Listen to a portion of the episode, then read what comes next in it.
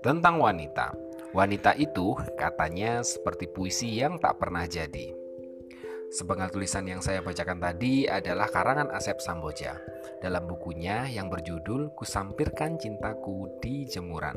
Teman-teman para pendengar yang hebat, di sini saya akan membacakan sepenggal tulisan-tulisan yang ada di buku fiksi ataupun non-fiksi. Bagi teman-teman yang ingin request buku yang ingin dibacakan, silahkan request saja ya. Semoga bermanfaat dan selamat menikmati. Dah.